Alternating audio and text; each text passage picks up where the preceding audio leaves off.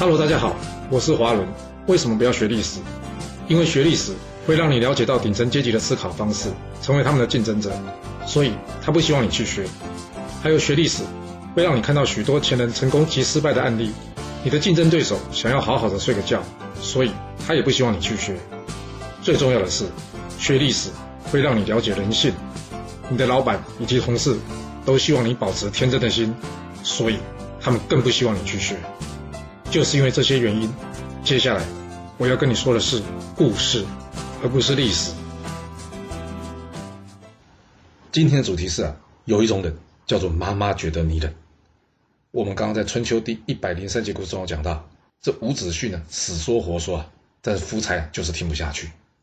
这有没有像我们在五之三之一啊？为什么道理说得通，但对方却听不下去主题中说的？这很奇怪对吧？为什么忠言总是逆耳呢？要是你了解到人都不喜欢被人家否定的，那这个问题啊就没有这么困难了解了。不过很可惜的是啊，能理性判断的人呢，相对还是少数的。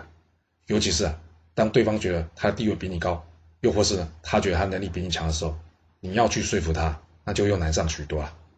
毕竟情感上来说啊，他已经觉得你不如他了。除非呢是他过来向你请教，要不然他心中既然已经有了偏见了，那理智上要接受你的观点就会非常的困难。就拿今天故事中伍子胥来说吧，他说的都有道理，但是夫差就是听不进去啊。对伍子胥来说，哎，我这么说都是为你好，为吴国好哎。但是好不好，不是伍子胥来决定啊，能决定的人，最终还是只有夫差自己，不是吗？就像我们常常听到的一句话，有一种人叫做妈妈觉得你冷啊。这妈妈担心小孩会冷，要他多加件衣服。这小孩还小时候或许会听啊，等到长大之后。还有多少小孩会听进父母亲说的话呢？只有他自己吃到苦头之后才会听得进去，是吧？可是我身为父母，我就是会担心，我就是想说，那该怎么办呢？那就要看了，你的小孩是哪种类型的人了。如同我们之前所说的，人呢，主要的判断方式呢，有决策型、专家型、资源型以及梦想型。要是你小孩跟你讲话是那种短促不耐烦的，通常你们的关系是处在他是决策型的人。你要的不是唠唠叨叨、不厌其烦的念他，而是给他简单几个选项，比方说天气凉，有没有考虑加件毛衣或是加件外套？这样比较有可能达成你要的目标。要是他是专家型的人呢，也是常常会依据资料说出一般道理的人啊，你就要学会用专家的话或数字来跟他沟通。那你可以怎么说啊？哎，今天天气预报是几度啊？建议穿什么？那要是你是资源型的人呢？这样的人比较喜欢参考别人做法，所以呢。你只要说街上看到或者网络讨论板上大家都怎么穿，这样呢他就很容易接受你的意见了。最后一种是梦想型的人，这种呢不用跟他讲太多道理，你要跟他讲是你很担心他，若是你跟他关系还不错呢，通常他都会接受。会不会觉得很奇怪？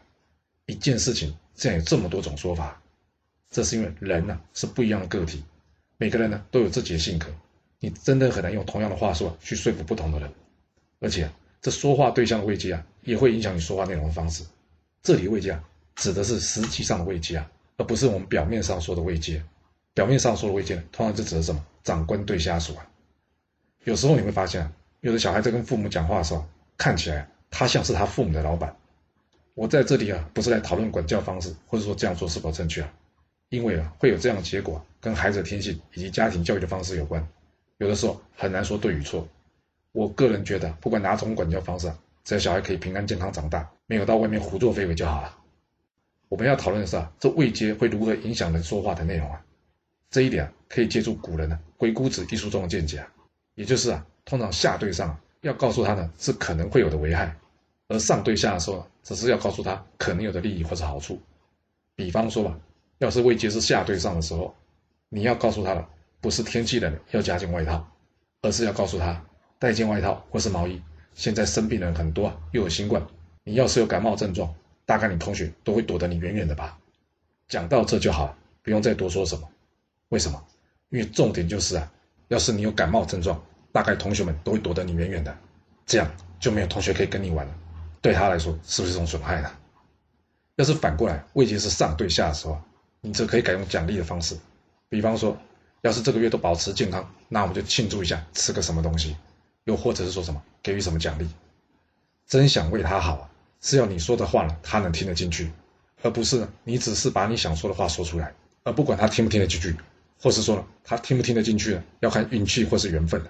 那你说这样有帮助到他吗？当然，更好的方式啊，是让他自己学会独立思考这件事应该要怎么处理，而不是你天天提醒。你说是吧？若是您有其他的想法，也欢迎留言分享您的看法给大家哦。好啦，我们今天先说到这。如果你就是不听我的劝，想知道完整版的故事内容，你可以从说明栏找到我爱故事频道的连结。不过记住哦，你是来听故事的，而不是来学历史的。要是您喜欢这个频道，麻烦您动动您的手指，追踪、留言，或是给我五星评价的支持以及分享。谢谢您来收听，我们下次再见。